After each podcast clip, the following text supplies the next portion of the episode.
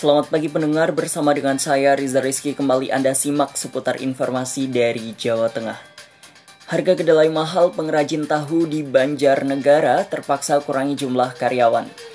Pengrajin tahu terpaksa mengurangi ukuran tahu dan jumlah karyawan agar tetap dapat memproduksi tahu di saat terjadi lonjakan harga bahan baku kedelai. Menurut keterangan, produsen tahu terpaksa mengurangi jumlah karyawannya sebanyak dua orang karena tidak mampu membayar upah mereka di masa sulit ini. Selain itu, mereka terpaksa mengurangi ukuran tahu agar tetap dapat mendapatkan keuntungan. Menurutnya, mengurangi ukuran tahu merupakan solusi terbaik karena ketika menaikkan harga tahu, mereka khawatir akan kehilangan pelanggannya dan produksi tahunya tidak laku. Para produsen tahu dan tempe berharap pemerintah dapat melakukan upaya supaya harga bahan baku kedelai dapat turun. Karena ketika lonjakan kedelai terus terjadi, produsen tahu dan tempe akan terancam bangkrut.